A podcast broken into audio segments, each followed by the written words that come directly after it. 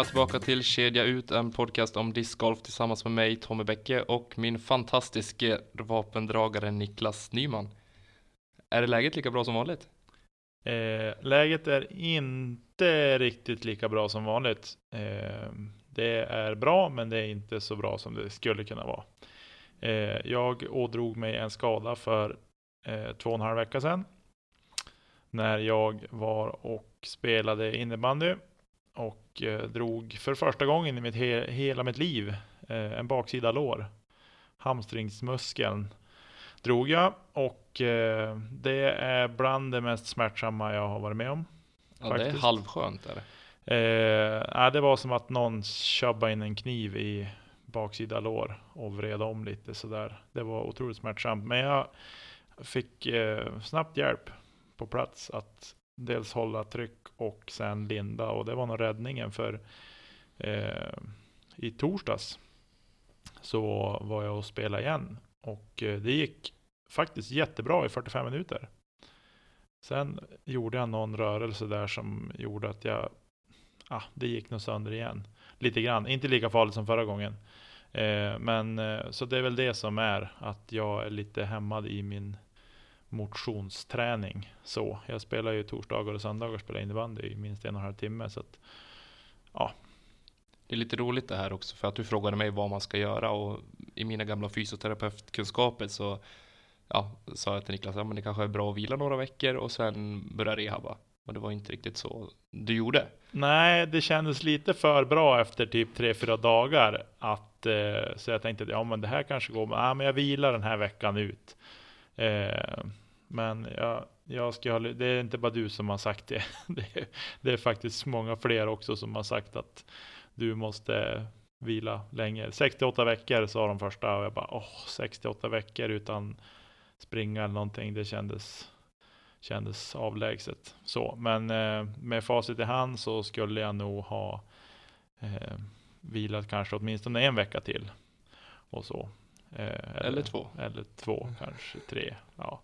Nej, men Det är ju en jag- klassiker det där att, att gå på det för tidigt. För just med men, stora muskelskador, som, alltså, eller skador på större muskler så känns det oftast bättre snabbt. Men det, det blir lite, lite av en fälla och faktiskt eh, gå på det för tidigt för att det känns bra. Ja, det är, det, det är verkligen så är det. Jag, jag har inga som helst ursäkter. Jag, det är min karaktär som ställer till det igen. Men ja, nu, det känns bra. Jag är inte orolig så, men det känns ju som att eh, eh, jag kände först när jag, när jag drog sönder det. Då kände jag att oh shit, det här är allvarligt. För jag hade så fruktansvärt ont. Och då började jag tänka att jaha, är försäsongen för discgolfen, är den liksom Är det höger eller vänster? höger. Så Mm. det är ju mitt min liksom plant foot så att säga. Eh, men jag tänker att nu ska jag försöka show mig och eh, inte förhasta. Promenader istället. Promenader går bra. Jag gick eh, redan lördags förmiddag så gick jag en lång promenad tillsammans med frun och hunden. Så att ja, det, ja, det ska nog bli till sig det här tänker jag. Låter klokt. Och så. Ja, hur är det med dig? Eh, Det är bra med mig. Precis repat mig efter ja, en, en vecka i sängen eller på att säga. Jag har varit otroligt förkyld och eh, har varit helt utslagen så det känns skönt att vara på, på fötterna igen. Ja. Eh, gör det. Så är det någonting som låter konstigt så är jag fortfarande lite täppt i näsan. Men eh, det får ni ta idag. ska tilläggas att under förra veckans avsnitt tillsammans med Elin så började Tommy att huttra mot slutet av avsnittet och då kröp det fram att han hade feber i kroppen. eh, så att, ja, Alvedonen slutar verka, då ja, var det bara att ta på sig jackan. ja, precis. Men men. Eh, vi har ju faktiskt ett, eh, ja, ett, eh, ett och flera ämnen eh, i dagens avsnitt. Men vi tänkte följa upp ett, eh, ett svar från avsnitt två där vi diskuterar lite grann om om en olika upplägg på, på tävlingar där vi vill ha tävlingar mellan märkena. Så att vi diskuterar lite grann. Och bad om lite, lite input, vad som hade kunnat vara roliga upplägg och vilka upplägg vi hade velat se där ute.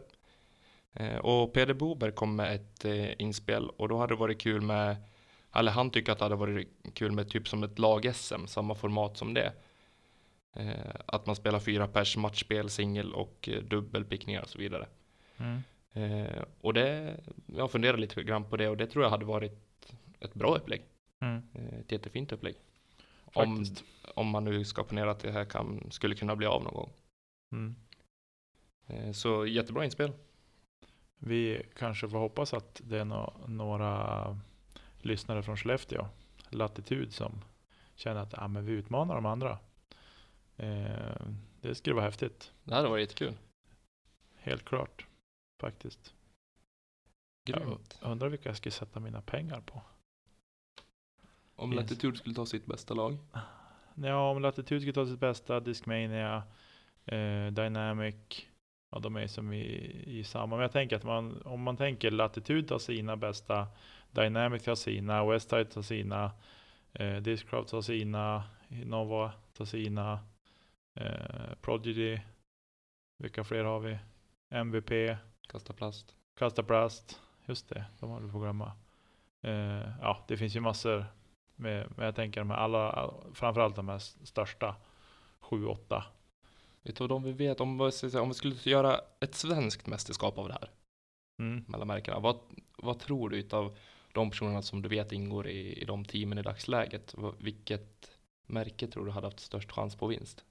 Latitud och kasta. Ja, latitud. Utav bara latitud och kasta plast. Ja, jag skulle säga latitud. Ja. Och så väver du in Prodigy då. Och Discmania. Och Innova. Ja, då är det kärvare. Alltså Prodigy har ju ett... På herrsidan är de Ja, starka. på herrsidan är de otroligt De starka. har Ja, inga svenska damer i dagsläget. Ja, det är frågan om alltså. Nej, jag tror inte att Latitud är med. Kanske på pallen, men jag tror inte att de är med och, och slåss i, i toppen. Men det är så mycket som ska spela in också. Det Det är är, ju, det är, det är svårt att säga om. Inget ont om Latitud. Ja, De gör många fina diskar. Jag har ett par själv i bagen som jag gillar och trivs med väldigt bra. Så att, eh, ja, Mm.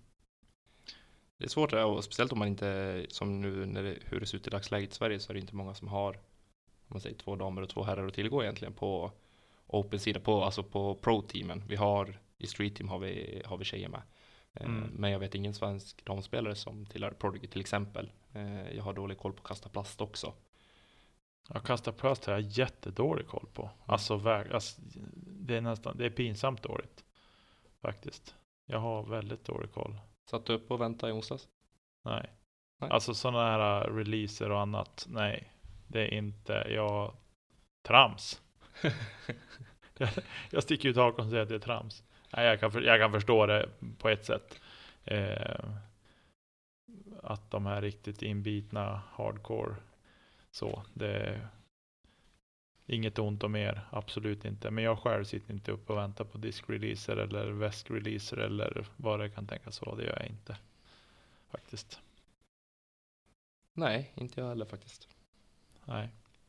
Det var med lite vemod jag släppte iväg eh, Prodigys senaste release i natt utan att, utan att klicka hem någonting. Faktiskt. Ja. Ja, men det är farligt det där också liksom att man, man trillar dit på någon hype. Jo men och det, jag känner att jag lovar mig själv nu att jag ska, jag ska hålla mig till de eh, modellerna som jag har hemma. Absolut, jag kommer köpa på mig mer diskar, men jag ska inte försöka hitta någon ny modell jag tycker om för att den ska bäras med på, på runder och så vidare, utan jag kommer försöka hålla mig till det jag tycker om i dagsläget. Ja, Bara att göra det enklare. ja. Nej, det är klokt. Jag måste få dela med mig av en grej också som jag tycker är jätte, jättekul. Okej, kör. Jag har anmält mig till European Amateur Open. Jo, det såg jag ju. Det är magiskt. Jättekul kommer det bli. Heja Tommy. Jag har varit lite så här. Här ska jag också vilja vara med. Och sen såg jag att det tog slut efter typ. Ja, 10 25 minuter. sekunder var, var det väntelista på. Ja.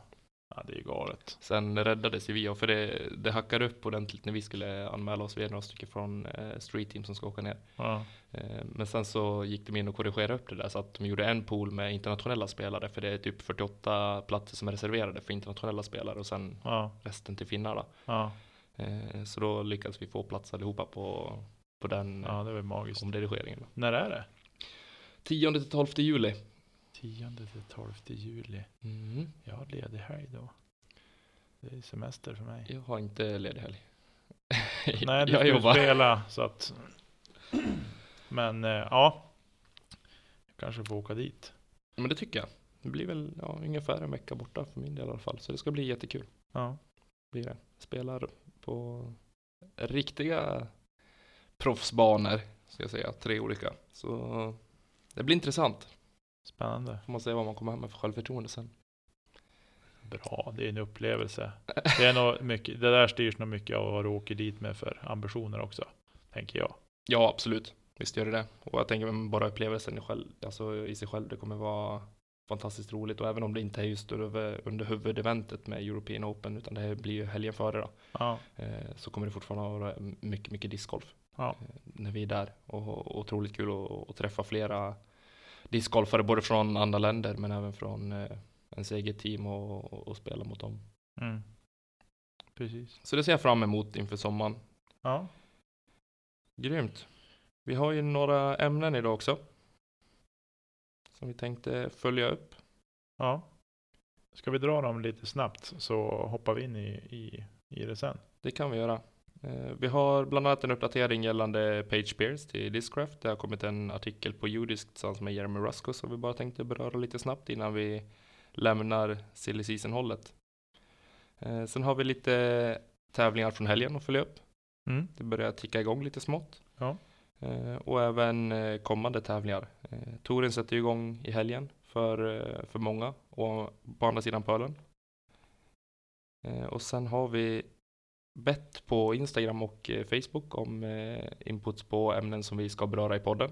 Ja. Eh, Och vi har valt ut några som vi kommer att beröra idag, åtminstone delvis.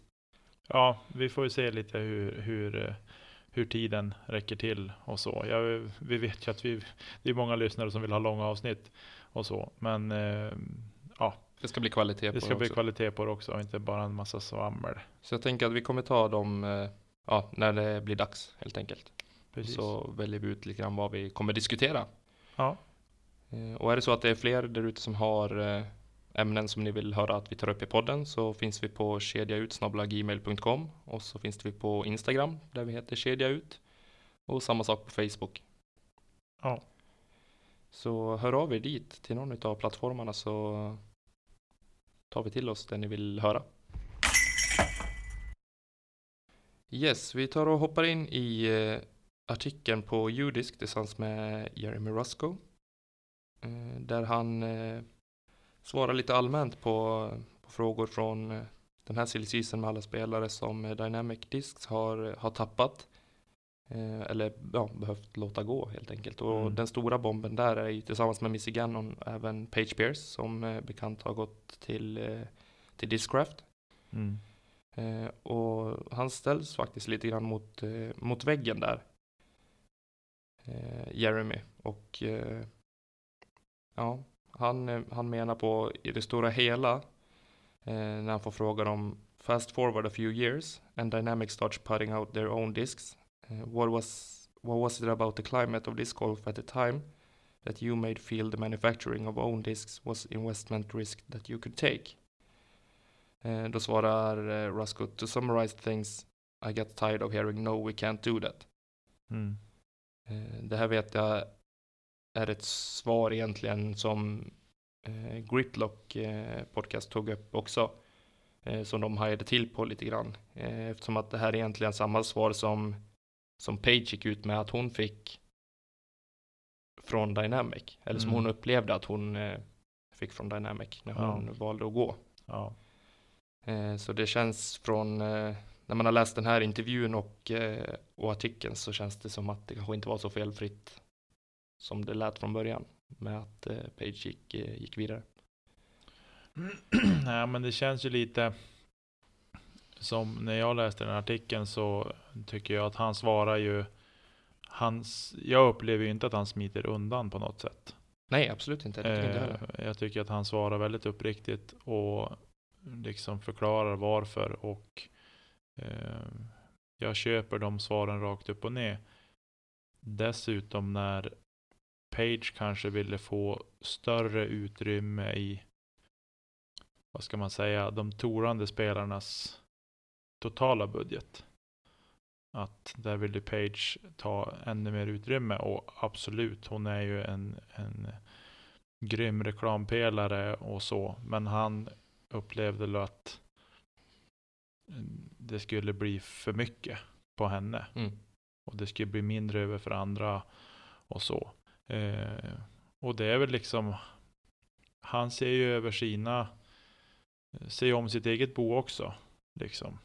Självklart, det måste han ju göra som, som ägare för ett stort varumärke. Ja, det är så mycket mer i det här än, än vad det är för oss. Liksom. Det är en fritidsaktivitet och ja, det, vi tävlar ju och tränar såklart. Men, men liksom, han har en affärsverksamhet som han ska leva på och tjäna pengar på. Precis. Eh, så det är så mycket annat som spelar in som eh, ja, vissa av oss kan relatera till det och, och vissa kanske inte och tycker att det är knepigt. Eh, Sen upplevde ju många kanske att det var mycket för, för pengarnas skull, vilket jag personligen tror också att Discraft hade de musklerna som eh, kan hjälpa Page längre på vägen nu än vad Dynamic har för tillfället. Ja, jo, det tror jag. Jag tror att alltså, hade Dynamic liksom bara satsat på Page och sagt att till de andra att nej men ni får gärna spela för oss, men vi kan inte hålla er med lön och vi kan inte hålla er med liksom hur mycket grejer som helst. Eh, så tror jag att det är eh, att skjuta sig lite själv i foten också. För en spelare kan inte väga upp eh, vad många kan göra för märket. Liksom. Nej, och det är också det han, han kommer fram till i, i det svaret sen också om, om han skulle kunna matcha budet från Discraft för Page och även för, för Missy om man hade gjort det då i så fall. Mm. Eh, och då menar han på att de hade en, en dialog Eh, men fick inte liksom helt klart på bordet vad var det Discraft hade, hade erbjudit och eh, ja, de ville ge liksom eh, det de kunde men till slut så hade enligt Ruskod och Page redan bestämt sig för att, för att gå ja. innan det egentligen var, var och, klart. Då. Och där kan, där kan jag relatera på så sätt att hon kanske hade fått ett bud eh, innan hon ens yppade någonting. Liksom ja, till Rusko och eh, som hon kände att nej, men det här kan inte motstå. Så att hon bestämde sig nog ganska snabbt där. Och på det sätt jag kan relatera till det är att liksom, om jag har bestämt mig för att om jag ska köpa de där skorna eller ska köpa den där bilen eller liksom och så dyker det upp någonting annat som sådär, ja men de där skorna hade ju också varit bra men jag har redan bestämt mig för de här och så går man vidare med det. Eh, det är en bild jag talar om här men, men eh, ändå så eh, kan jag, jag kan någonstans förstå Page att hon, hon fick ett, ett fett bud på bordet som var svårt att säga nej till. Mm. Absolut, och Rasko säger det senare i, i intervjun också att som ett fan av discgolf så vill vi inget, eller han och, och även vi andra vill inget annat att se än att eh, spelare utvecklas och att det går bra för dem. Eh, så jag tror att eh, oavsett vad så vill han Page bäst också. Liksom. Ja, ja, verkligen. Nej, jag håller med. Jag håller med. Eh, sen finns det ju ett statement också på Dynamics egen hemsida. Mm. Som Rusko har skrivit som man kan gå in och läsa också. Och vill ni läsa hela intervjun med, med Rusko på Judisk så finns den på Judisks hemsida. Ja, gå in där och läs själva och bilda en egen uppfattning eh, kring det här. Men jag och Tommy är nog rätt överens om om utgången här, vad som hände. Det tror jag. Ja. Eh, ska vi hoppa vidare? Vi gör det. Yes, vi eh, rullar vidare med tävlingarna som har varit i helgen. Och eh, vi pratade upp eh, för några avsnitt sedan om eh, Tour Totyn i Lundbyparken i Enköping. Mm. Dit vi ville att eh, Nicke skulle åka. Ja. Så blev det inte enligt resultatlistan. Nej. Tråkigt. Jag, jag skäms lite. Eh, men vi kan gå igenom lite resultatvinnare där. Vi har i Open-klassen så vinner eh, Stefan Åkerstedt på minus 5 före Jon Hansson på minus 1 och Martin Ljungberg på par. Eh, ska även lägga till där att Elias Gripler var ja, på delad tredje plats också på par. Då. Ja. På den. I Advanced så hade vi Viktor Wallström på första plats på ett under par följt av en hel drös med personer, en, två, tre, fyra stycken på, som slutade på even par. Mm. Och då var det Göran Karlström, Jari Berghäger, Joakim Eklund och Olle Bogård. I Recreational så hade vi, ja, verkar vara efter särspel här, så har Mikael Andersson tagit hem vinsten. Han verkar sluta på par. Och det gjorde även Simon Lindgren och Max Tjärnsten. Mm. Häftigt. Det var de, eh, de var- klasserna som eh, var med och deltog. Så vi får säga grattis till alla vinnare och eh, pallplatser. Ja. Grattis till er. Gratulerar till er. Sen måste vi faktiskt följa upp också en, en dubbeltävling som vi hade i helgen. Och då var det Rudan-dubben. Eh, Och där hade vi i topp tre. Så på högst upp på pallen hade vi Henrik Jakobsson och Jonas Lindholm. eh, Som gick i mål på minus 26 På två runder. på två runder. Bra jobbat grabbar. Boogiefria. Så Boogiefria. grattis till er. Snyggt. På andra plats har vi Mikael Jansson och Petter Westberg. Slutade på minus 24, så två kats eh, differens. En bogey där. Och på tredje plats, eh, före detta gäst, Robin Willman tillsammans med min teamkamrat Victor Jonsson. Gick eh, i mål på minus 22 med två bogeys och en eagle faktiskt Snyggt. på det. Så grattis till er på pallplats. Kul att det börjar rulla igång med tävlingar även i, eh, i Sverige. Mm. Vi har även ett event till och eh, följa upp. Thailand. Thailand ska vi bege oss till. Yes, vi har då eh, Samoy Swine Classic 7 eh, och då tar vi pro-sidan eh, bara idag. Eh, och eh, Philo Brathwaite vinner ganska övertygande på 40 under par eh, före James Conrad på 31 under par och Nate Perkins på tredje plats på 30 under par. Snyggt. Eh, kul för Philo att få starta säsongen så pass bra. Det var väl där vi hade någon oratad Jackie Chen. Ja, det stämmer. 1040. Ja, han gick ju precis. Det stämmer. Eh, väldigt eh, hypad av eh, The Disc Golf Guy. Ja men det, ja. Vad vad- vad konstigt. Nej, det tycker jag inte. Damma till med en 1000. För hade han gått 980 hade det ju varit liksom skräll ändå. Men å andra sidan, det kan ju vara en doldis som har gått runt med med plastkasse eller på att säga i flera säsonger och blivit grym. Upptäckt Youtube och att man kan lära sig saker där och sen blivit grym. Men det är fantastiskt kul. Ja, det är magiskt. Jag, hatten av. Verkligen. Sen tycker jag att vi ska höja faktiskt eh, sjätteplatsen i, i den här turneringen också. Johan Davidsson eh, från Sverige.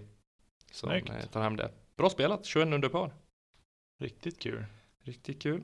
Och eh, på damsidan så var det ett eh, battle utan dess like första rundan i alla fall.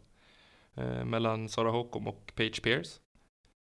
Eh, där eh, till slut då efter eh, tre runder så stod eh, Sara Håkom som, som vinnare. Ja, hon tog hem den där. Ja, precis. Det såg jag. Jajamän. Åtta kast före till slut.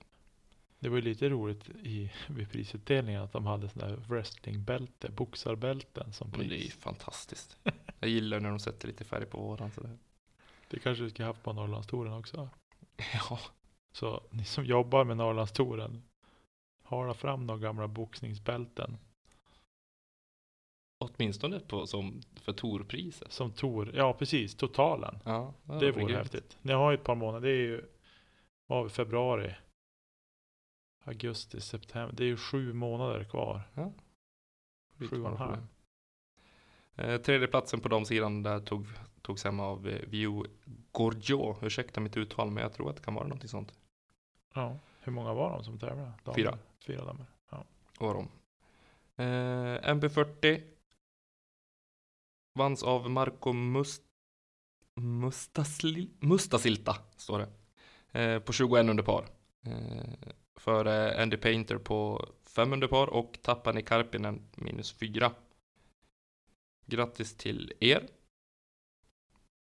Svårt att se att någon av dem lyssnar på podden dock. Eh, Säg inte det. nej, man vet aldrig. Eh, MP50 eh, vinns av Geoff Hungerford. Även os- osäker på uttalet där, men på 21 under par. Eh, före Johnny Rumble Pecunia på minus 14 och Mark Wispy på minus 14 där också. Mm. Stort grattis till pallplatser och vinnare i helgens tävlingar. Snyggt jobbat. Eh, jag har uppe här med eh, för den första eh, tävlingen i USA. Eller inte första i USA, men första på touren. Större tävlingar i alla fall. Eh, och jag tänkte ta fram här, ursäkta. Eh, jag sorterar dem efter, efter rating. På här sidan. Jag ska göra samma sak på damsidan. Så.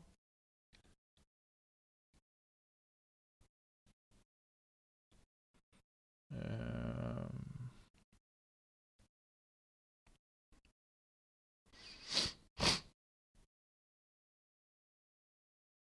Ja, så nu på här sidan Wintertime Open så är de, har jag gjort de här så att de är i, på rating.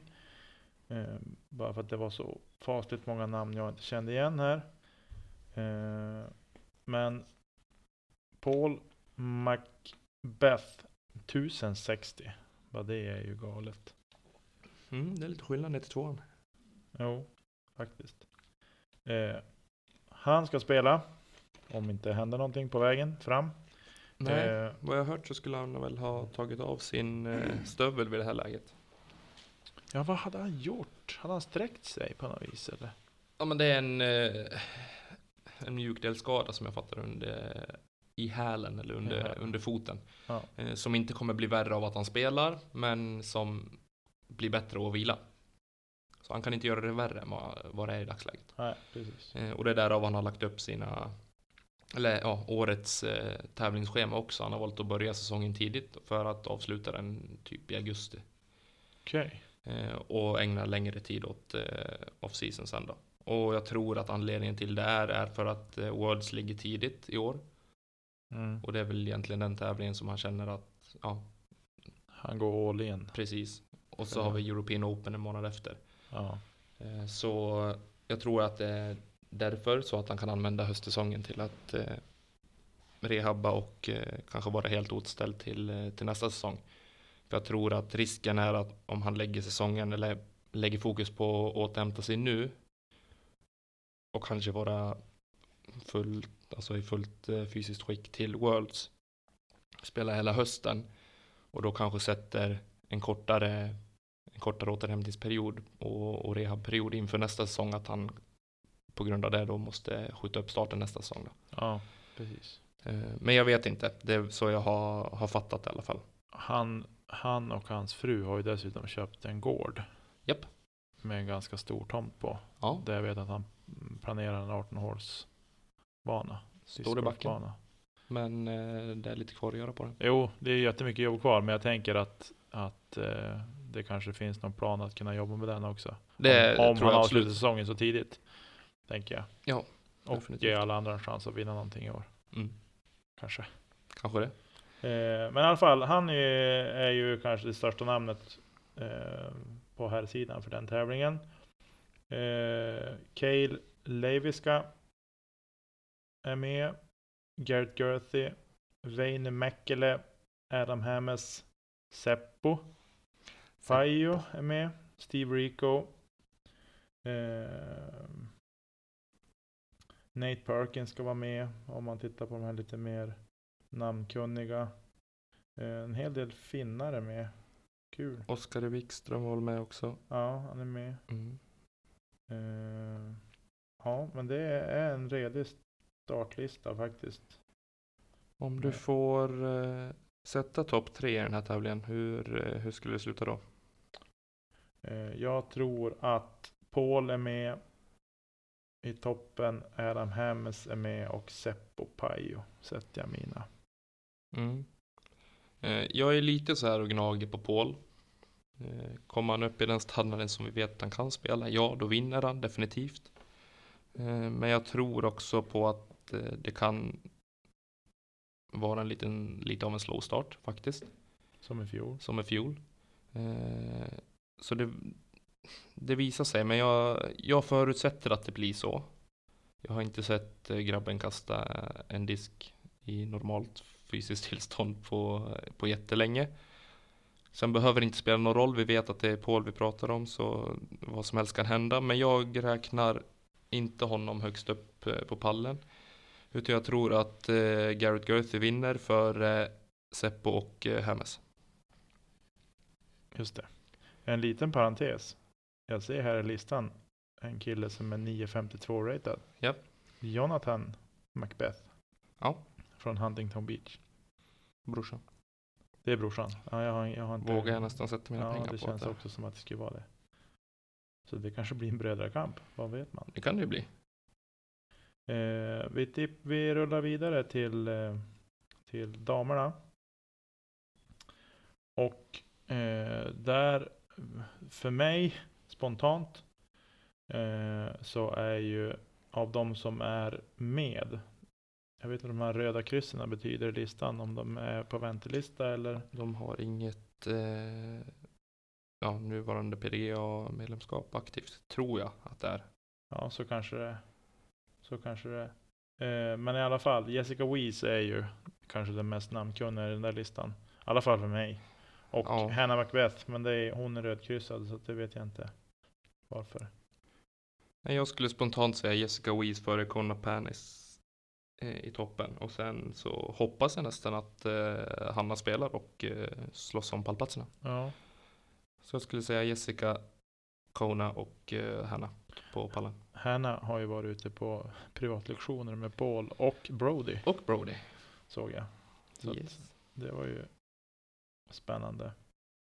Eh, och sen kommer ju ProMaster 40. Där har vi för okända namn för mig att ens ge mig in i. Patrick Brown kan jag bara slänga ur men han kommer vinna. För att han är högt ratad eller? Japp.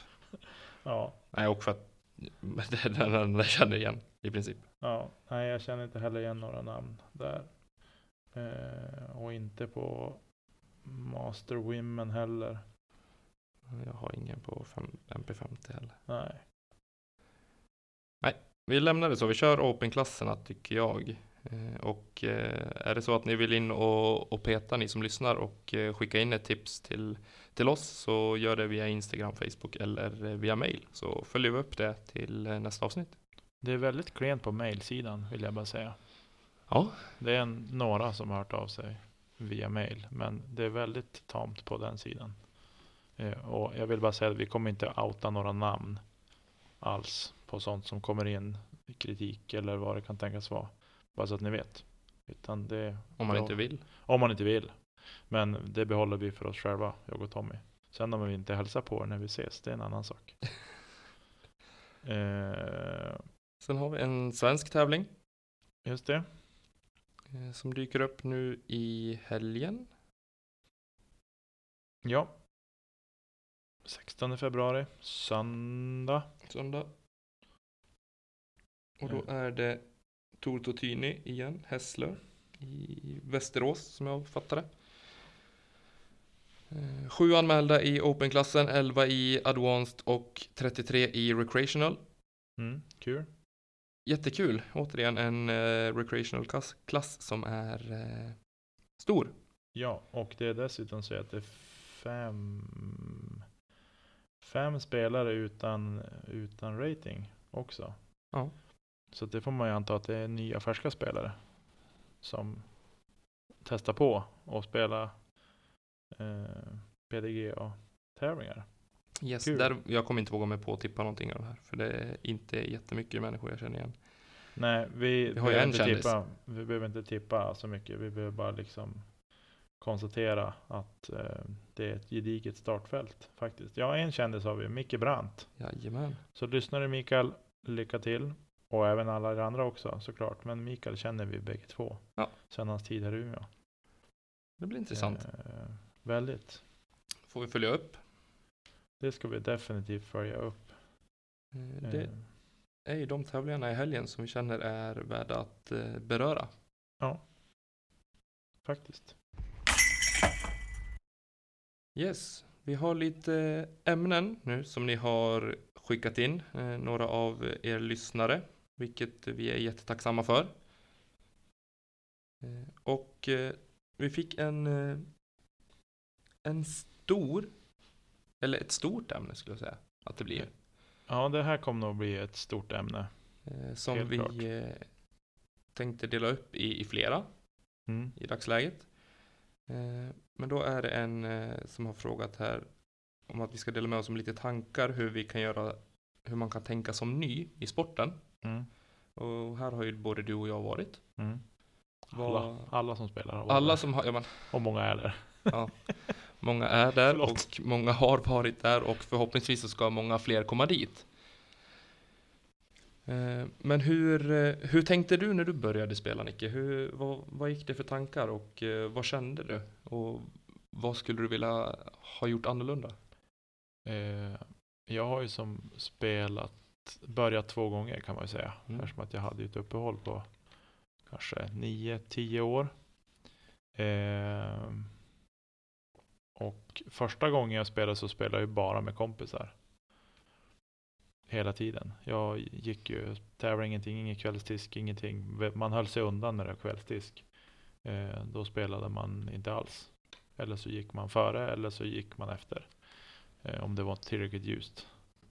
Eh, och det jag egentligen tar med mig från det då är väl att jag skulle ha varit mer modig och spelat mer kvällsdisk. Eh, av vilken anledning kände du så? Eller känner du så idag? ja, men det är mer med facit i hand. Ja. Eh, jag känner så. Men jag vet ju inte hur det var då. Eh, kontra när, eftersom att nu vet jag ju hur det är idag. När det kommer nya spelare och, Ja. och så. Vi är ändå rätt välkomnande. Eh, som klubb där vi spelar. Och jag tycker väl att det har varit Eh, jag skulle ha varit med på hugget då och spelat, Men som att jag hade framförallt en kompis eh, som jag spelade med väldigt mycket. Alltså vi kunde gå, han kunde skicka på morgonen ett sms. Fribbe skrev han, frågetecken. Och jag bara, ja absolut. Ja, ja vi ses där om en halvtimme och så sen var det igång. Och så gick vi en runda på en och en halv, två timmar. Eh, och sen åkte man hem och så eh, ja, gick dagen och så på kvällen kom det ett sms. Fribbe, ja. Och så höll det på liksom sommar efter sommar i ett par år. Eh, och sen vi tävlade mot varandra såklart internt i den lilla gruppen som vi Mm. var. Ibland var vi två, ibland var vi fyra. Ibland var vi tre. Det var lite olika. Eh, men jag tycker väl att var inte rädd som nyspelare att åka på en kvällsdisk eller eh, som jag tror de flesta klubbarna har. Eh, och be om tips och tricks och, och sådana saker. Eh, för nu när jag började om andra gången så gick det ju ganska fort att jag kom in i det. Och Mm. så. Sen har det ju därifrån har det ju varit en ganska gick det ju ganska fort fram. Så när man började liksom tänka helt annorlunda och, och så eh, i sitt spel. Och även att man såg andra spela. Och det är framförallt det jag tycker att jag har lärt mig mest av. Se andra spela. Eh, hur de löser saker och så. Så det är väl det jag tänker att man har nytta av det också. Bara av att se andra spela. Och inte då på Youtube utan på live så att säga. Absolut. Jag tycker att det är ett jättebra tips eh, som du kommer med. Just att inte vara rädd och framförallt inte att be om hjälp eller att vara inte rädd att, att gå dit på en kvällsdisk eller något sånt. Just för att se hur det fungerar. Vill man mer än att bara liksom gå runder med plastkassen med sina polare så ta det steget. Jag träffar allt för många både i jobbet och eh, på sidan av där jag liksom frågar, men ska du inte, har du gått med i klubben? Mm. Ska du följa med på någon kvällsdisk? Ska du liksom, ja men fortsätt spela. Mm. Nej men jag, jag känner inte att jag är tillräckligt bra än. Får man ofta ett svar. Nej. Men vi har alla någonstans varit där. Jag var inte Guds bästa barn på det heller. Jag bad sällan om hjälp, vilket jag ångrar i dagsläget. Mm. Att verkligen liksom ta de, de spelarna som kunde kasta eh, och ta tips från, eh, från dem för att eh, utnyttja styrkorna hos de som redan spelade. Och det tror jag hade uppskattat av dem också. Att någon som, ja, men, även om de bara hade spelat i två, tre år, men ändå lärt sig att kasta och liksom få frågan om någon som är ny. Att okej, okay, hur är du här? Mm. Kan du visa mig? Mm. Det ser ut att liksom gå jättebra för dig. Mm. Det är ju en boost för, för en annan också. Ja, ja, visst. Absolut. Så är det Så är det ju. Ja, men jag, jag tänker att eh, just det här, det är väl lite typiskt svenskt, tänker jag. Så att ja, men jag är inte tillräckligt bra för att Men vara med precis. här. Absolut. Eh, och det är väl någonting som jag förstår tanken. Jag har tänkt den själv många gånger. Jag också. Eh, men att jag tycker att eh, man måste kliva fram där istället och tänka att men jag vill ju lära mig någonting. Mm. Så kommer man ha nytta utav det. Jag tror att de flesta som har börjat spela kanske för två, tre år sedan som har tagit det här steget att åka på en kvällsdisk, eh, spela med mer erfarna spelare och så. Man har haft otroligt stor nytta av att se dem och spela fått lite tips kanske eh, efter rundan. Det vill jag vara noga med att säga. Ja. Att be inte om tips just under rundan. Eller säg liksom till att Om det inte är någon casual-runda. Liksom, Nej, är det en casual? Ja men såklart. Är det en Ja. casual-runda liksom man plojar på, liksom man kanske kastar flera diskar per hål. Eh, då är det en sak. Men jag tänker att spelar man på en kvällsdisk och så säger man åh, jag vill ha lite tips här. Ta det efter rundan. För annars så sätter man igång en tankeprocess som kommer att ligga där. Så att när du ska göra det där kastet kanske två år senare.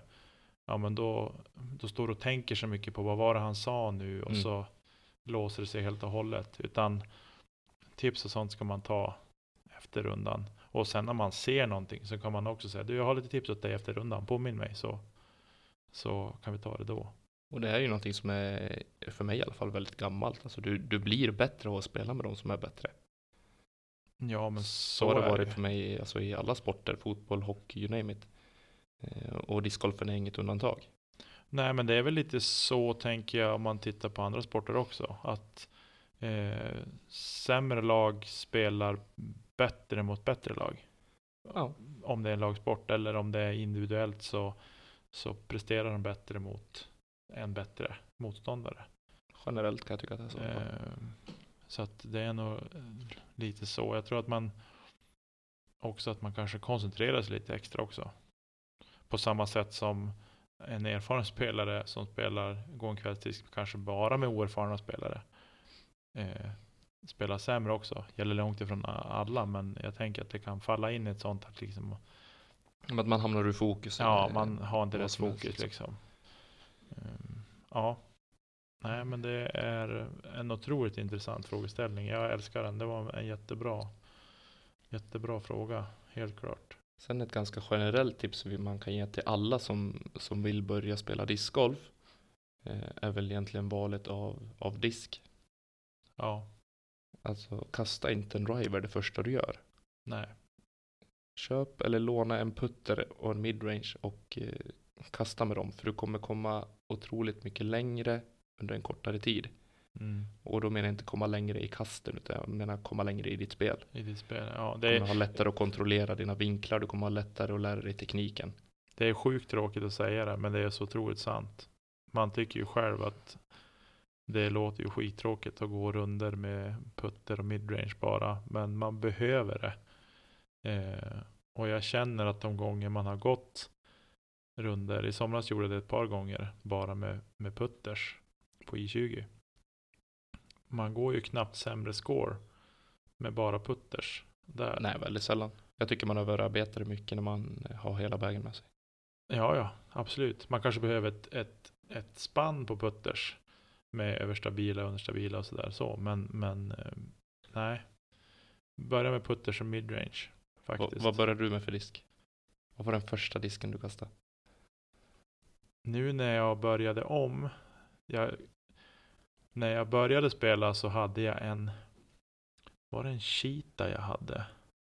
Det är någon Innova-disk. Det är ändå ganska bra nybörjardisk. Ja, jag har ingen aning om vad det är för siffror på den. Eller Nej, vad det är för, det fanns ju som, det var ju som inte, flight numbers var inte med då, men det var ju någon typ fairway driver ish.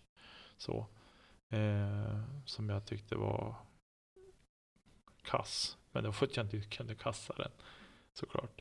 Eh, men nu när jag började om så köpte jag mig en en Guru Schleipner. Den norska Ja. märket som, ja det är Innova, Innova som, gör, som- ja. gör dem. Som, eh, men, och, men sen hade jag, jag hade någon, eh, att, vad var det jag hade? Jag hade någon, någon eh, midrange. Och så hade jag en DX-rock. Hade jag. Klassiker. Ja, och så köpte jag Nova XT som Ja. putter. Det var liksom mina fyra första som jag gick med. Ja. På I20, 20, sommaren 2017 tillsammans med Kent Lindqvist som drog med mig ut. Eh, och tyckte jag skulle prova, men då visste nog inte han om att jag hade spelat längre tillbaks. Eh, och vi har en förkärlek båda två till att kasta saker. Eh, men det tog ju fullständigt spinn där och då. Eh, och sen gick det så fort också. Att komma in i kvällsdiskliret och Mm. hela den grejen liksom. Och tack vare att folk var så välkomnande och liksom kul att du är med och ja, hela den här biten. Som, precis som jag tycker att det ska vara. Eh, sen var inte min fru lika imponerad över vart pengarna och tiden tog vägen. Så, för sen vart det ju att köpa på sig väska och fler diskar och ja, sådär. Eh, En Men- framtidsinvestering fick du säga då. Ja, jag sa till henne, ja alternativet är att ligga i soffan. Okej, du får spela discgolf. Nej, inte riktigt så, men, men lite så var det faktiskt. Att hon, hon var väldigt glad att jag hade hittat någonting som, som eh, jag trivdes med och tyckte var roligt. Och hon eh, sökte fram på Pinterest eh, hur folk hade gjort egna korgar hemma. Eh, varpå jag byggde en korg av två 26 tums cykelfälgar, ett bildäck, ett stålrör och så gjorde jag en fot i tryckimpregnerat virke och så köpte jag kedja. Kedja var det enda jag köpte till det där bygget. Det andra hade jag. Det är fantastiskt. Ja. Eh, men om vi tittar lite grann på den här frågan. Eh, lite tankar om när något har lossnat för er. Eh, Mm. vad har du där att dela med dig av? Har du någon sådär lite... Jag har tänkt lite grann på den här frågan men inte så mycket känner jag nu som jag borde ha gjort. Alltså det jag tänker på främst är väl egentligen i, i min drive.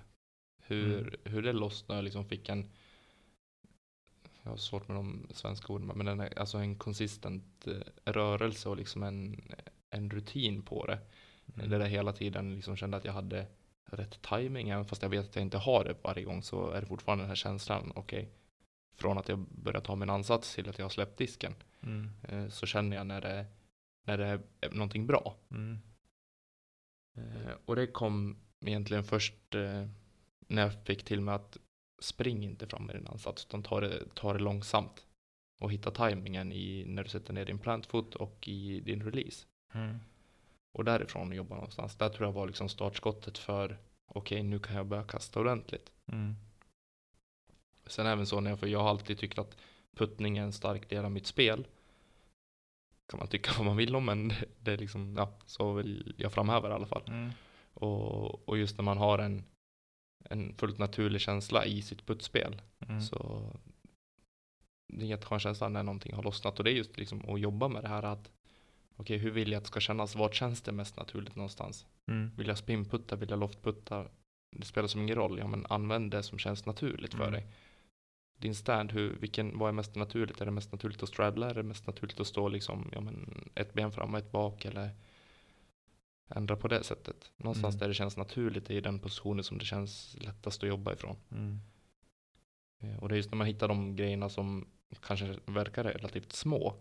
eh, som det faktiskt börjar hända, hända grejer. Mm. Eh, jag tänker lite så här att eh, det här med när har det lossnat? Jag tänker att det är ju mer en, en, eh, en process.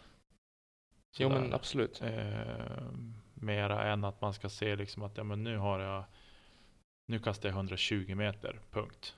Nu går jag vidare. Alltså jag tänker att det hela är som en, en levande process eh, med, med det här. Men det jag tänker på, eh, han skriver här som han ställt frågan att han tittar på jättemycket videos eh, och försöker förbättra i stort sett allt. Mitt bästa tips där är att ta inte allt på en gång. Nej. Då Absolut. blir det jättejobbigt att om man går in liksom, ja men nu ska jag träna discgolf en timme eller en och en halv timme. Då ska jag göra, jag ska träna på min drivingteknik, jag ska träna på inspel, jag ska träna på putting. Eh, och eh, jag ska träna på forehand. Det blir för mycket. Utan välj ut att ja, men idag ska jag träna på inspel. Då gör man det ens in i en och en halv timme. Eh, och försöker hitta känslan där och får att lossna lite grann där och hitta. För där får man som ny så får man, kan jag uppleva att man, jag i alla fall fick upplevde att man fick leta väldigt mycket för att det skulle lossna så att säga. Ja. Absolut. Va, vad är jag bekväm med? Hur vill jag hålla disken? Eh, hur mycket reachback ska jag ha? Liksom, vad- ska jag använda liksom, i, i, i mina kast till exempel? Jag skulle säga nästan alltså bryta ner det ännu mer än så. Att just inte bara använda kanske ett pass till att träna drives utan att okej, under den här perioden, under Ja, ett kvartal eller någonting så ska mitt fokus vara på att förbättra min drive. Jag ska kunna ha men, en consistent release, jag ska kunna landa inom det, det här området oavsett om det är olika längder. mm, Eh, så ska jag träna på min drive och då vill jag att det ska kännas naturligt i min, eh, i min run-up och i, i mitt X-step och så vidare. Eh, och sen börja pilla på, på detaljer när man känner man att man får till timing och så vidare. För jag tror att mycket sitter i det att just bara göra rörelsen flera gånger och få det att kännas naturligt. Och sen gå in och pilla i, i detaljer som oftast visas på, ja, men på instruktionsvideos på, på YouTube och, och sådana grejer också. mm, Eh, och att man i så fall bryter ner det till alltså en längre period. mm, Att du kanske använder, ja, men, det, jag säger inte att du inte ska liksom träna puttar under den här perioden, men att fokuset ska ligga på okej, du ska förbättra din drive. mm, Då lägger vi för det fokuset den här månaden eller Mm. den här, det här kvartalet. mm. Och sen bygger på med nästa. Ja. Men just principen som du är inne på att ta en sak i taget tror jag är jätte, jätteviktig för att det inte ska bli huller om buller i huvudet och, och den fronten. Ja. Sen tänker jag också där när man sitter och tittar på videos. Eh, de fyller en jätteviktig funktion. Men frågan är ju vad du väljer att göra utav det. Så att säga. Mm. Eh, och där tänker jag flika in och som jag tror i princip nästan alla videos som jag har sett. Så kommer tipset filma dig själv för att se vad du gör. Mm. Eh, och de flesta te- telefoner idag har så att du kan filma i slow motion. Eh, och du kan även redigera, i alla fall på, på iPhone, så kan du redigera när slow motion sekvensen ska börja och sluta och så vidare så att man slipper se liksom hela sin startrörelse fram till ditt X-step och hela den biten. Eh, men filma dig själv, jämför din video med instruktörens video så att säga. Eh, beroende på vem det är. För att se, ja men gör jag, ja, det, man kanske känner att ja men nu borde det se ut som, som på videon. Men i själva verket så kanske man gör något helt annat. Jag själv har kämpat med det där och kämpar fortfarande med det. Eh, men jag har tagit små, små, små, små steg på grund av att jag har filmat mig själv för att se att ja, men jag måste jag måste ut med disken lite längre från kroppen. Jag måste ner med den lite grann kanske. Eller liksom jag måste eh, curla runt handleden lite mer på, för att få handen på utsidan på disken till exempel. Om det är drive vi pratar om. Eh, så måste, man måste nästan filma sig själv för att förstå vad man gör för fel. Absolut. Och veta vad man letar efter också självklart. Ja, såklart. Men sen måste man även ha förståelse för att eh, det räcker ju inte att man gör de här korrigeringarna och sen tittar man på filmen, och bara, ja, men det, nu ser det jättebra ut, men jag kastar fortfarande inte längre än vad jag gjorde tidigare. Nej, men du kanske behöver, du har en mycket mjukare rörelse och, eh, och att allting går mycket långsammare. När du liksom börjar få upp farten och tajmingen hänger med och det, ja men då kommer de här metrarna.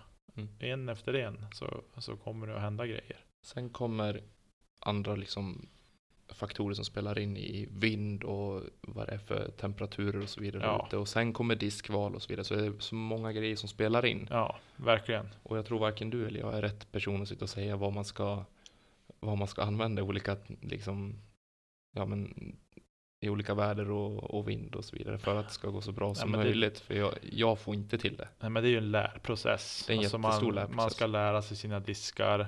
Eh, man ska veta vad disken gör i motvind, medvind. Eh, ja, sådär. Det är ju, det är ju en... Man kan ju tycka att, ja, hur svårt är det att kasta disk? Det är många kompisar som säger, hur svårt kan det vara? Liksom. När man har pratat liksom att, ja men jag stod och puttade igår kväll i garaget. Men i garaget, det är bara 8-9 meter där inne. Bara, jo, men jag behöver det. Liksom. Ja. Men vadå, man sätter dem lätt från 15 meter? Ja. Nej, faktiskt inte. Ehm, och det är därför det är ju, sporten blir ju mer och mer bred ju längre fram man kommer i sin, alltså den är ju som en pyramid Ja, ja. kan man säga. Yes. Eh, så den växer ju bara mer och mer. Eh, ju bättre man blir på spelet. Det är fler faktorer som börjar spela in för en. Det märker jag också när jag står på jobbet och liksom förklarar det här med diskkoll för, för folk och med diskar och så vidare. Att, och få dem att förstå att det finns flera olika drivers som gör olika saker. Ja, Det är helt nytt och folk Ja. har verkligen inte ja, förstått det, vilket jag tycker är jättekul att liksom kunna förklara att okej, börja med det här så kan vi ta det stora sen. mm, Eh, och någonstans där kunna peka på att ja, men, jag gjorde de här misstagen i början, gör inte de misstagen så lyssna på vad jag säger nu. ja. Precis. Så slutar det att folk går därifrån med en driver i alla fall. Ja, nej, jag eh, tänker också att mm, ja, när jag började om 2017, det har ju hänt otroligt mycket när jag tänker tillbaks på det. Det är ju trots allt i sommaren, bara tre år sedan. Mm. Men när jag tänker tillbaks på det så trodde jag att när man tittar på siffrorna på disken, så här, speed 13, Ja, okej, det är den här disken jag ska ha. Men jag tror inte du är ensam där. Nej, nej, verkligen inte. Men så är det inte. Eh, för att kasta en speed 13 disk eh, som nybörjare så kommer du inte lyckas. Om du inte har en otroligt flyt vid din första första ja, ditt första kast och träffa Mm. rätt helt enkelt. Eh, Det ska ledsen. väldigt mycket till. Det ska väldigt mycket till för att man Ska få den att flyga som den ska. Faktiskt. Sen finns det ju mer eller mindre lätta, snabba diskar att kasta. Som, Så är det absolut. Eh, men, men att gå dit och titta bara, åh, speed 13 och så tittar man på på hur den flyger och vilken fade den har. Så bara, okej, den här den kommer att svänga efter 15 meter. Det finns ju hål för det också. Det finns hål för det också, såklart. Eh, helt klart.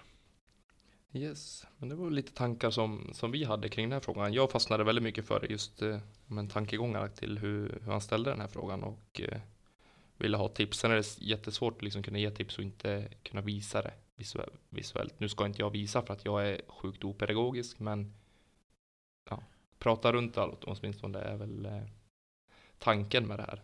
Nej. Men lite snabbt för att summera den här, den här frågan. Så eh, filma dig själv. Titta på din video. Eh, försök se om du tittar på de videos som, som proffsen gör eh, och jämför vad de säger. Ta in vad de säger och försök förstå vad de säger. Eh, och, jämf och applicera det på, på Ditt utförande. ditt eget utförande. så kommer du att hitta åt de här grejerna. Och det kommer kännas jättekonstigt i början. Att dels kanske titta på sig själv, men även att de grejerna som du ser, ja, men det här måste jag korrigera, det här måste jag korrigera. Det kommer kännas jättekonstigt i början. Men det kommer att bli bättre Absolut. över tid. Man får inte tro att, att det kommer att, att lösa sig från en träning till en annan. Det kommer att ta flera säsonger. Eh, och det kommer att gå fort i början att börja kasta 100-110 meter. Det kommer att gå ganska fort dit kanske om man är idog och jobbar hårt för det. Det är sen det blir tuffare så att säga. Att eh, förbättra på. Och bryt ner det du vill lära dig till mindre bitar. Fokusera inte på allt på, på samma gång utan välj ut en grej som du vill ägna en speciell tid åt att bli bättre på. Ja, Och fokusera på det. Innan du går på nästa. Det är väl de tipsen som eh, vi kan ge. Så. ja jag tänker det. Eh, jag tänker att vi hoppar vidare med nästa fråga. Yes, nästa ämne som vi ska ta upp är att är hur vi ska kunna utveckla sporten och nå ut till fler och nya spelare i Sverige och i världen. Eh, och där känner väl jag att vi kan bryta ner det till Sverige. För att det är Ja. där vi är verksam och det är där vi kan påverka. Ja, jag håller med fullständigt där. Det känns som att världen är, är lite svår för oss. Den är att- lite stor för oss kanske. lite stor för oss. Och med en svensktalande podcast så har vi nog svårt att nå vissa delar av Finland kanske, men, Ja, Ja. i och för sig. men ja, vi får se. Nej, men vad tänker du? Hur, hur, hur tänker du att vi kan utveckla sporten? Alltså jag tycker att alltså det som är så fantastiskt med, med sporten i grund och botten är ju tillgängligheten Mm, på det. Det är Verkligen. otroligt lätt att bara kunna ta, oavsett om du vill spela med en vanlig strandfrisbee eller ultimate frisbee liksom, men att få tag i en disk i dagsläget är inte jättesvårt. nej, Eh, och sen bara ge sig ut på banan och kasta den i en korg. ja, Det är en otroligt lätt tillgänglighet i stora delar av Sverige att spela discgolf. ja, Så där tycker jag att vi har kommit väldigt, väldigt långt i dagsläget. ja, och att det väcker en uppmärksamhet och nyfikenhet av personer som kanske är ute och går med hunden eller i skidspåret på vintern eller ute och springer och ser våra discgolfkorgar mm, och undrar liksom, ja men vad är det här? ja, Och det, ja, att det väcker den nyfikenheten som, som det faktiskt gör hos många. Eh, tycker jag gör att vi har nått väldigt långt. Sen hur vi ska kunna nå ut till fler och ska vi lägga liksom betoning på fler aktiva spelare som tävlar så tror jag det handlar om lite som vi var inne på i avsnittet med Elin. Är hur vi approachar sporten utåt mm, och i, alltså det, det stora i det hela kommer till slut handla om ekonomin i min mening. ja. Jo, för att göra sporten mer attraktiv på, alltså på proffsnivå. För att kanske kunna känna att, nu säger jag inte att det här ska ske imorgon, men ta det inom, ja, men inom det här decenniet åtminstone, att någonstans här borde vi kunna ha en svensk spelare som lever på discgolf. ja, det tycker jag också. Det, det tror inte jag är helt omöjligt. Nej, det tror inte jag. Nej, det tror jag verkligen inte. Det tror jag verkligen inte. Men det kan ju krävas en, en satsning som, som är kanske större än man tror. Det kommer det definitivt att göra, men det är just därför frågan, ja men hur ska vi nå ut till fler spelare i Sverige? Då, måste vi på något sätt göra det mer attraktivt och jag tror att ekonomin har en stor lösning i det. Ja, jo, det är det. Jag tänker lite snabbt så här. På vilket sätt kan vi, alltså vi som spelare, Ja, eh, jag tror på att vi snackar om det på jobbet. Eller definitivt. skolan eller vars vi nu är, vad vi nu är verksamma Ja. inom. Inte Jag tror du säger en jätteviktig grej där. Förlåt att jag avbryter dig. Men skolan. Kan vi, nu ska jag inte säga vi för jag är inte utbildad, men du är utbildad instruktör. Mm. Att nå ut till skolungdomar och få komma på idrottslektion och introducera discgolf Mm. kommer vara en stor del i det hela, tror jag. Att kunna lära ut discgolf redan alltså, till yngre barn i, på skolidrotten till exempel, Mm. får dem att liksom öppna ögonen för det, Mm. kommer göra att vi får en större bredd i det. Ja. Eh, absolut, jag håller med. Jag håller med och jag hoppas att är det några idrottslärare där ute som lyssnar så, så tycker jag definitivt att ni ska presentera sporten. Eh, och som idrottslärare så har ni en ganska bred kunskapsbank om idrott generellt. Eh, och jag tror att ni har plats för discgolfen också faktiskt. Eh, på samma sätt som ni har plats för vals, bugg och alla foxtrot och allt vad det finns för olika Ringsvingar. för eh, ja, danser och så. Eh, så det är en sak. Men sen tänker jag utveckla sporten. Eh, utvecklingen känner jag, om man, just om man tittar på just utveckling av sporten så tycker jag att det ligger ganska mycket på, på disktillverkare, PDGA eh, och så. Jag tycker att där har de ett ganska stort ansvar, framförallt PDGA kanske, att hur kan vi göra det? Vad kan vi presentera för lösningar för, för nya spelare så att säga? Mm. Vad finns det för, för insteg och så? Där har ju även klubbarna såklart. Det ska inte bara komma på PDGA. Där har ju alla klubbar också ett ansvar att presentera veckospel eller små turneringar eller vad det kan tänkas vara, tävlingar för nya spelare. Eh, men jag tänker just utvecklingen tänker jag ligger en hel del på dels disktillverkare, ganska mycket på PDGA eh, och även till viss mån klubbar och så. Om man tittar på utvecklingen. Eh, men sen för att få den att växa och vi ska bli fler utövare så tror jag att liksom sprida den till klasskompisar, arbetskamrater. Eh, det har ju varit en hel del företagsevent. Eh, vi har en god vän som har haft liksom hållit i företagsevent och presenterat sporten. Eh, och så. Jag, jag tror mycket på sånt. Att liksom ta med kollegor, ska ni liksom ha någonting med jobbet, vilket brukar vara populärt på våren.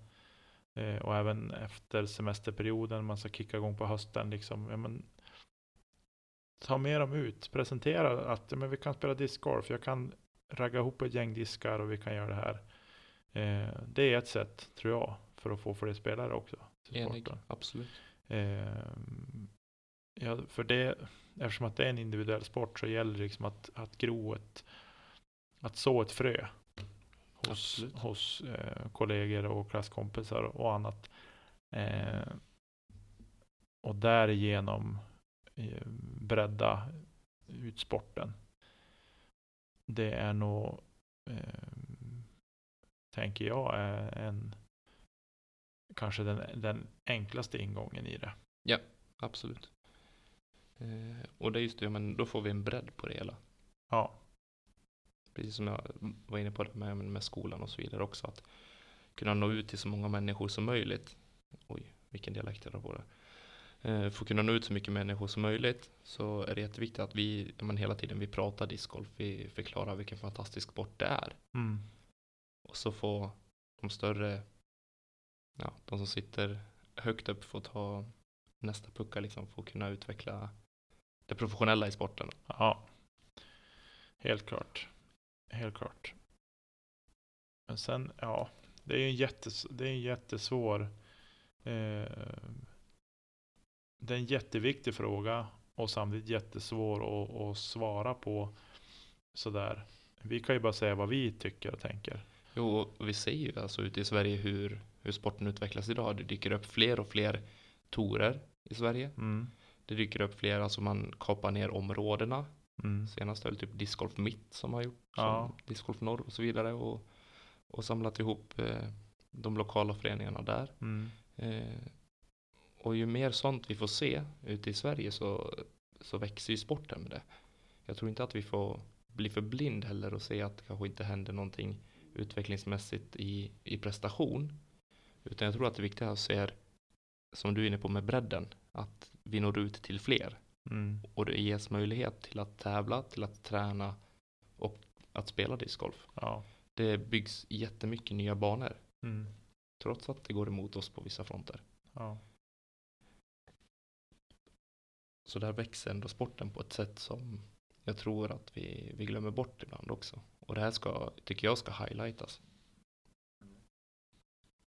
ja, När, när det händer någonting i, i sporten. verkligen. Helt klart. Jag håller med till fullo. Eh, jag tänker så här att eh, bägge de här frågorna vi har pratat om nu. Ja. Dels hur man kan utvecklas som ny spelare i sporten, men även hur kan vi utveckla sporten eller eh, nå ut med sporten till fler. Det är levande ämnen för oss eh, i podden. Ja, gud ja. Det är Eh. någonting vi behöver beröra hela tiden. Ja, och då tänker jag så här att ni lyssnare får jättegärna skicka ett DM på Instagram, skicka ett meddelande på Facebook eller mejla oss eh, på kedjaut.gmail.com. För och kom med era tankar och idéer eh, om hur vi kan göra det så kan vi lyfta det här igen eh, i ett annat avsnitt. Eh, idag hade vi ingen gäst utan vi tänkte vi skulle prata om lite sådana här saker för att bryta av med annat. Eh, men eran input är superviktig för oss. Jätteviktigt. Eh, jag hade önskat att vi hade kunnat ha hundra mikrofoner här och gäster samtidigt så att vi hade kunnat diskutera i grupp. Eller hundra är lite häftigt kanske, men, men det hade varit roligt att vara fler och diskutera eh, det här ämnet. Men som sagt, skicka in era, era synpunkter och tankar kring det här, för det, är- det är en, en viktig, viktig fråga för sporten, tänker jag. Ehm, har du något mer att tillägga där Tommy? Nej, jag tycker du summerar det väldigt bra. Tack för det. Jag hade inte förväntat mig annat från dig. Nej. Nej, jag ska bara. Ehm, ska vi rulla vidare med nästa punkt? Vi gör det.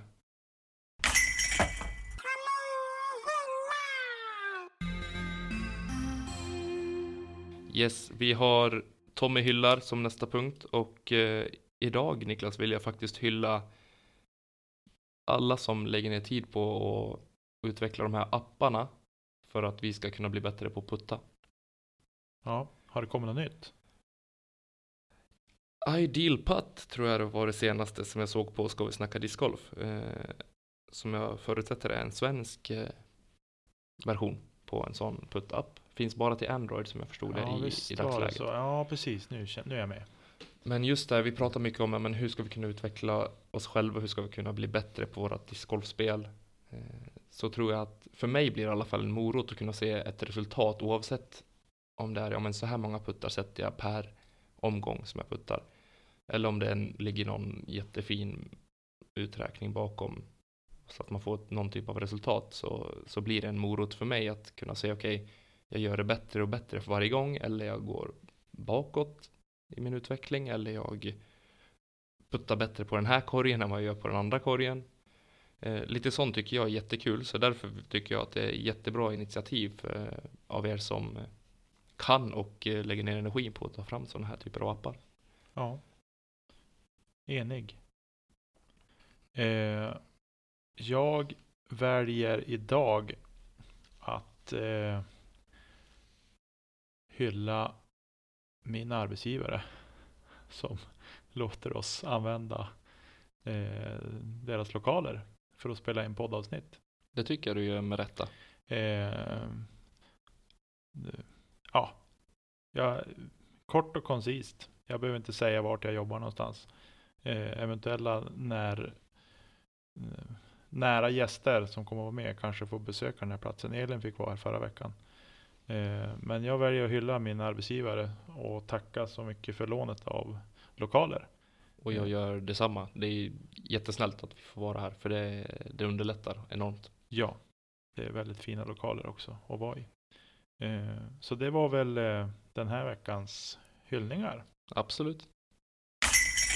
Nicke sågar. Så, då Nicke sågar. Ja, ja, eh, det är egentligen någonting man inte kan påverka så mycket så. Men det här vädret. Vi har ju haft fyra årstider på en vecka nu. Alltså det är så snabla sorgligt så att jag... Åh, det är inte nog med baksida lår. Sen igår kväll började temperaturen att passera nollan upp på plussidan och så vart det snöblandat regn och sen innan kvällen var över så började det spöregna och sen i morse när jag klev upp så var det Nilen på vägen. utanför. Jag kände bara, oh, jag orkar inte. Och så kommer frun. Du, vi måste ta på galonkläder på barna. Bara, men det är ju sommargrejer. Nej, men i februari faktiskt så ska vi ta fram. Nej, vädret. Gå och lägg dig. Du är onykter. Det här går så bort. Jag blir så matt. Sådär. Och det, det är bara slask och sörja. Och sen nu i natt typ. Måndag till tisdag så ska det bli minusgrader. Och så ska det knäppa åt. Och så blir det minus 10 till helgen. Och ingen nederbörd. Det är ju hockeybana överallt. Ja, kanske blir några snöflingor till helgen. Sen skulle det vara plus och regn igen. Det... Jag orkar inte. Nej, det, jag, jag såg av vädret. Med rätta. Naglarna. Vad har du? Yes, jag eh, har valt att lägga in en sågning av nättroll som eh, tyvärr har tagits in i discgolfvärlden. Eh, och de exemplen, eller exempel, det jag har reagerat på är väl reaktioner från människor som har väldigt svårt att unna andra framgång, vilket jag tycker är väldigt, väldigt svårt att förstå. Jag tycker att man kan vara glad för, för andra människors framgångar och när det går bra för andra. Jag har inte alltid varit jättebra på det, men jag har lärt mig det och jag tycker att det är fantastiskt kul när det går bra för andra i dagsläget. Men eh, typ sådana som är inne och kommenterar och kastar skit på Brody Smith och Hannah Macbeth för att de blir sponsrade av Discraft och folk vågar sig påstå att de borde vara sponsrade i, istället för att de har spelat två säsonger längre och har en rating. Det tycker jag är så, jag blir så förbannad. Det är så sjukt tröttsamt. Jag tycker jag håller fullständigt med. För det första, vem, vilka av de här nätrollen vet vad dealen är med Hannah Macbeth till exempel? Ni har ingen aning. Ingen. Det vet ingen. Eh, ingen vet vad eh, Brody har ut av det här. Eh, han har redan en egen plattform som han står på ruggigt stadig dessutom.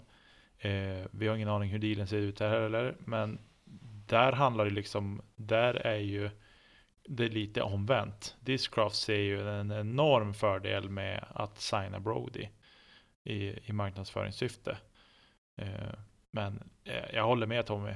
Det är en lika bra sågning som vädersågningen. Tack. Det nättroll kan gå till sängs med vädret för ni är onyktra. kan, vi, kan vi säga så? Ja, det får man kan säga, vi säga så? Jag tycker vi får säga så. Ja. Det känns eh, osympatiskt. Gläds åt andra och eh, ta er i kragen. Ja, verkligen. Och jag vill tipsa här om att gå in och lyssna på eh, podden med inte Smashbox utan den andra, vad heter den? Griplocked. Griplocked. Yes. De behandlar den här frågan om varför har ni signat Brody men inte den här? Mm. Gå in och lyssna på det avsnittet för det är fantastiskt bra för de kommer att såga dig om du inte håller med dem. Helt klart. Det gör de. Eh, ja, så det var våra sågningar den här veckan.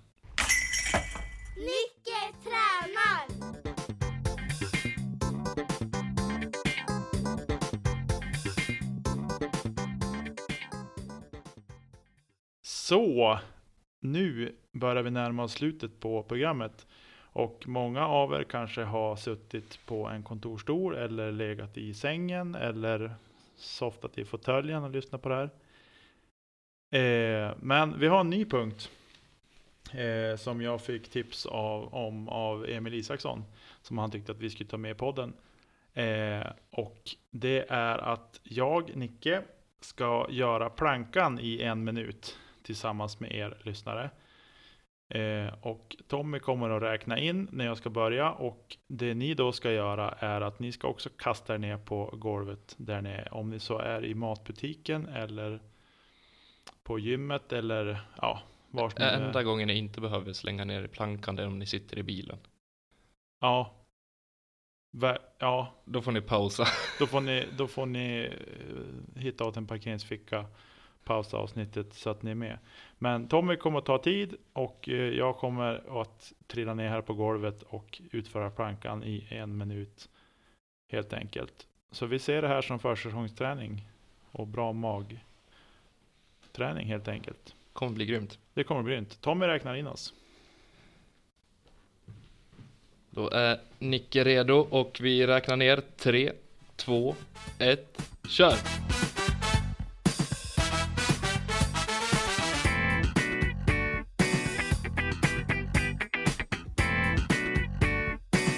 20 sekunder har gått ungefär och Nicke är röd i ansiktet.